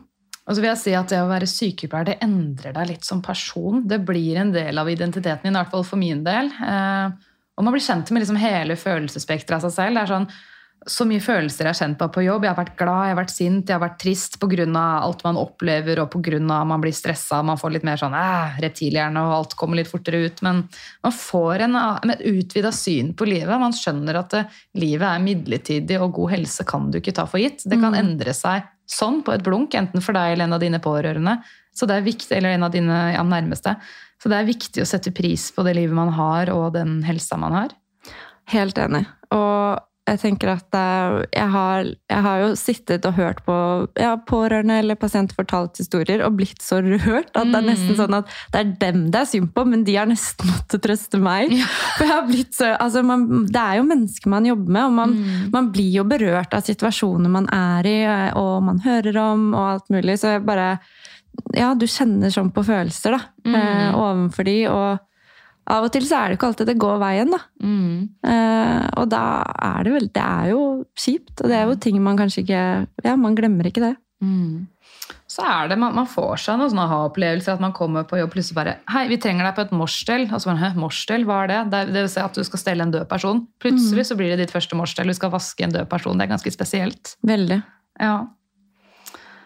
Så kommer du til å lære mye av pasienter. De sitter på mye kunnskap, de. En del av kunnskapsbasert praksis er jo brukererfaring og brukerkompetanse. Mm. Der er det mye å lære. Man lærer mye av hverandre, og så skal man holde seg faglig oppdatert. Og du kommer til å merke at det kanskje ikke alltid er så mye tid til det. Generelt kampen mot klokka er et gjennomgående tema av mange avdelinger, men det er forskjell fra avdeling til avdeling, det òg. Og vakt til vakt. Mm. Så Og så føler jeg liksom man må bare begynne å liksom ikke stresse så mye rundt, men bare det er lov å gi bort noe til neste vakt også. Mm. Du rakk ikke det CVK-stellet. Da, okay, da Og verden går da. ikke under fordi du ikke rakk det akkurat på din vakt. Nei. Og se Vende Flom på høyre arm når de skal ned til setet. Det er for de legger på setet sjøl, da. Ja, Da blir de litt sure, men de kan gjøre det der òg. Ja. Så ikke ja, Prioriter vakta di, tenk gjennom hva som er det viktigste. Og får du ikke tid til det, så får du ikke tid til det. Altså, det er mye negativ snakk om sykepleieryrket, men det er viktig å ikke glemme det positive. Og så er det selvfølgelig mange kamper fortsatt å ta, sånn som at eh, sko og varme jakke følger ikke med uniformen i hjemmesykepleien. Jeg skjønner at det er noe dritt når på en måte, sånne typiske manneyrker har alt det inkludert, og vi ikke er det. Så det er fortsatt mange kamper å ta. Men så må vi ikke glemme alt det morsomme òg, da. Det er et veldig allsidig yrke, og du har sinnssykt mange muligheter. Det er så mye forskjellig du kan jobbe med. Bare hør på poden min. Ja, og så er det liksom noe med at eh, NSF går ut og sier at det er verdens fineste yrke. Og jeg kunne aldri tenkt meg å jobbe ut som noe annet. Jeg vet ikke hva jeg, liksom, hva jeg skulle gjort på en måte da, hvis jeg ikke var sykepleier. Så det er en kjempegivende jobb, og hvilken betydning man har i andre sitt liv, da, i den fasen man møter dem. Det er jo en ganske unik mulighet man får til å bety noe for andre. Absolutt. Og så tenker jeg at hvis du finner ut at vet du hva, jeg tror kanskje ikke det er sykepleier jeg skal være, jeg tror jeg skal omskolere meg, så, så er det helt greit. Men vit at den utdanningen du tok, det var ikke forgjeves. Det er noe du kan ta med deg videre resten av livet. Som du alltid kommer til å få bruk for. Og med det så tenker jeg kanskje vi avslutter, for nå ser jeg produsenten trippe rundt her. Så Ida Gøre sier jeg bare tusen hjertelig takk for at du kom og gjestet Hjelp, jeg er sykepleier. Det har vært helt nydelig å ha deg her. Takk! Takk for at du hørte på Hjelp, jeg er sykepleier. Hvis du likte episoden, blir jeg veldig glad hvis du vil dele den videre på relevante plattformer. Jeg blir også veldig glad hvis du vil anbefale den videre til venner, kolleger, medstudenter eller andre folk du tror kan få glede av denne podkasten. Hvis du vil få varsling neste gang det slippes en ny episode av Hjelp jeg er sykepleier, så er det bare å trykke på abonner-knappen her hvor du hører på podkast. Hvis du vil komme med ønsker for podden, eller gi meg tips eller tilbakemeldinger, eller bare følge meg og mitt podkasteventyr, så er du hjertelig velkommen til å følge Hjelp jeg er sykepleier på Instagram. Hjelp jeg er sykepleier er også på Facebook, men det er på Instagram det er desidert mest aktivitet. Der har du også mulighet til å stille spørsmål til Q&A til fremtidige gjester av podden. Du kan også sende meg en mail, og mailadressen til Hjelp jeg er sykepleier står beskrevet i hver episodebeskrivelse.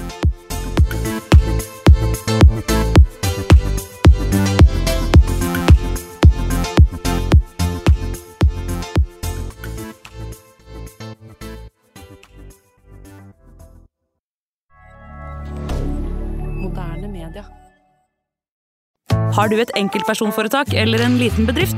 Da er du sikkert lei av å høre meg snakke om hvor enkelt det er med kvitteringer og bilag i fiken, så vi eh, gir oss her, vi. Fordi vi liker enkelt. Fiken superenkelt regnskap.